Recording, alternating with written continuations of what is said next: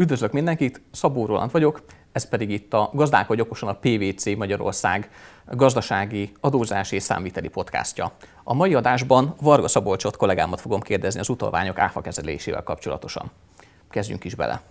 Szabi, úgy tudom, hogy 2019-től jelentősen változtak az utalványoknak az adókezelése. Pár mondatban megkérhetlek, hogy összefoglald nekünk ezeket a változásokat, miért fontosak ezek, illetve volt-e bármiféle előszele ezeknek a változásoknak? Üdvözlök én is mindenkit.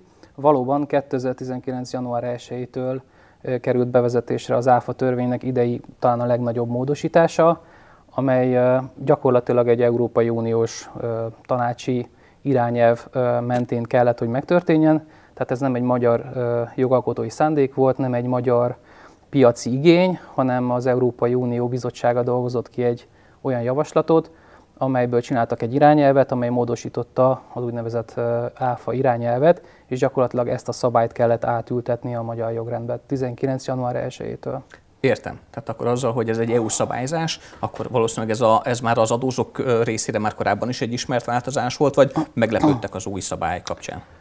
Az új szabály a nyári adócsomagba került be, ha jól emlékszem, azonban aki figyelemmel kíséri az Európai Unióban történő dolgokat, az már láthatta, hogy 2016 nyarán megjelent ez a tanácsi rendelet, akkor még szám nélkül.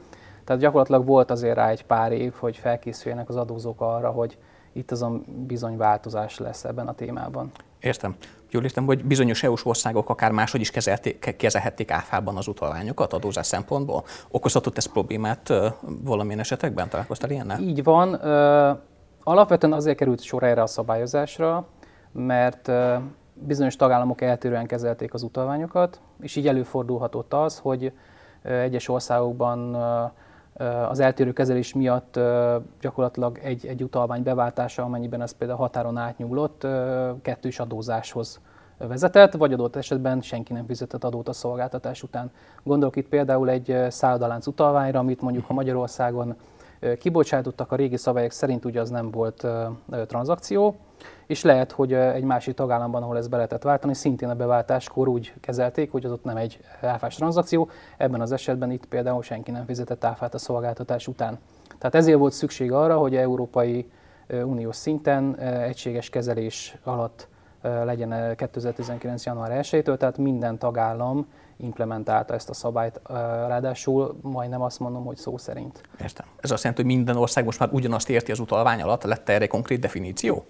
Így van. A, a bizottság a konkrét szövegjavaslatot is tett, és ez a utalvány fogalma bekerült mind a magyar, mind minden tagállamnak a, az ÁFA törvényébe. Ezen túl pedig meghatározták az úgynevezett egyszerű, illetve több célú utalvány fogalmát is, amely valóban teljes mértékben eltérő gyakorlatot fog mostantól követelni a magyar adóalanyoktól. Értem, ez érdekes hangzik. Tudnám még egy kicsit beszélni nekünk erről az egycélú és többcélú utalványokról? Kezdeném a többcélú utalványokkal, Jó. mert uh, az talán egy kicsit egyszerűbb. A többcélú utalvány gyakorlatilag nem más, mint a 2019. január 1 előtti utalványkezelés áfában. Tehát amikor a többcélú utalványt adunk át az adóalanynak, és ő ezt beváltja, vagy akár a magánszemélynek is, amikor ennek beváltásra kerül sor, akkor az adózási pont az ott valósul meg, amikor én az utalványt beváltom. Tehát amikor megyek a boltba, az utalványjal fizetek, akkor ez egy termékértékesítésnek fog minősülni, és erről kell számlát kiállítani. Ez gyakorlatilag ugyanaz, mint ami az előző mhm. időszakban is volt. Ugyanakkor az egycélú utalvány, mint, mint új fogalom, az gyakorlatilag már előre hozza az adózási pontot, tehát amikor egycélú utalványt vásárol valaki, legyen ez akár egy ruházati boltnak a, uh-huh. az ajándékkártyája, vagy, vagy egy könyvutalvány, amit egy könyváruház bocsát ki, ott már adózási pont keletkezik, tehát amikor én az utalványt megvásárolom, akkor erről már számlát kell a kibocsátónak kiállítani a felém. Értem. Tehát attól lesz valami egy célú vagy több célú, hogy milyen termékekre tudom beváltani, és azok milyen áfa besorolás alá esnek?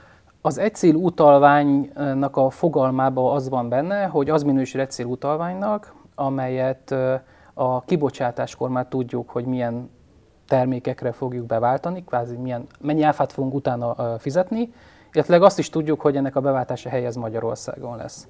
Értem. Tehát az olyan utalványok, amelyek mondjuk egy, egy élelmiszerláncnak a, a, a termékeire mind beválthatóak, ott ugye előfordulnak 5%-os áfakulcsú termékek, meg 27%-os áfakulcsú termékek.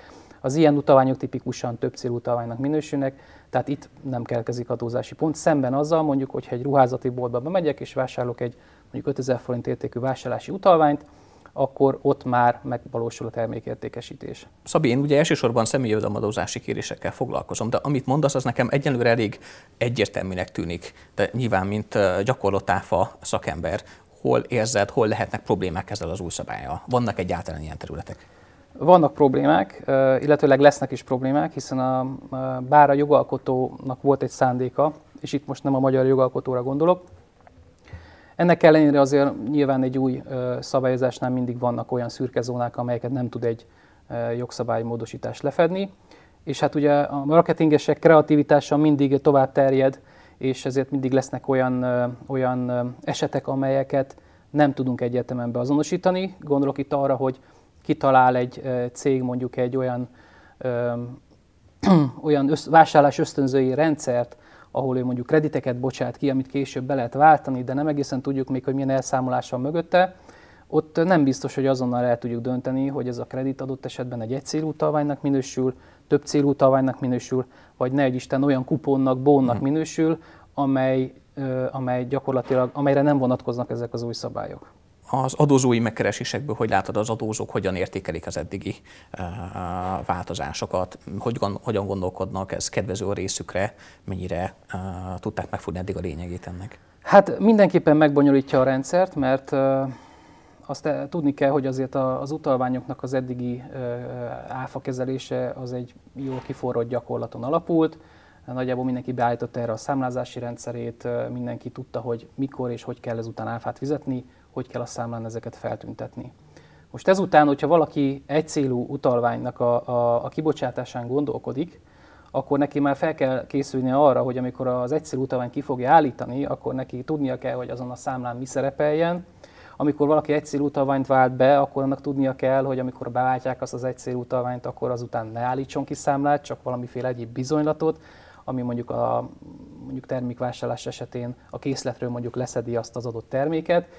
Hogyha utalványjal is készpénzzel történik együttes vásárlás, akkor ezt tudnia kell például a bolti eladónak, hogy, hogy az utalvány beváltás, akkor több utalvány beváltása van, akkor számlát kell állítani, ki kell állítani az egész összegre, hogyha egy célú utalvány beváltása van, akkor az utalvány értéke után nem kell, hogy számlát kiállítson, még a készpénzes rész után számlát kell, hogy kiállítson, sőt, tovább megyek, hogyha a kibocsátó meg a, a számlát, vagy az utalvány beváltó nem ugyanazon az adóalany, tehát mondjuk több egy cég vesz részt mondjuk egy ilyen marketing kampányban, akkor például egyszerű utalvány beváltásakor az egyszerű utalvány értékében a beváltó adóalany termék értékesítésről kell, hogy számát kiállítson, de nem a vásárló felé, hanem az utalvány kibocsátója felé.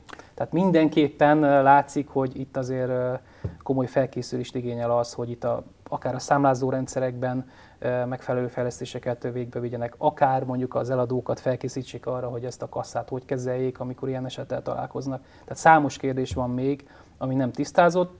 Hozzáteszem, több olyan terület is van, ahol, ahol, ahol például még bizonytalan mondjuk az utalványoknak a, a, a kezelése. Gondolok itt mondjuk a pontakciókra, vagy a pontgyűjtő kártyás akciókra, ahol azt gondolom, hogy van egy jó alkotói szándék, ami előre mutat, de a, a gyakorlat még számosan kérdést vet fel, amire nem ad választ a jogszabály.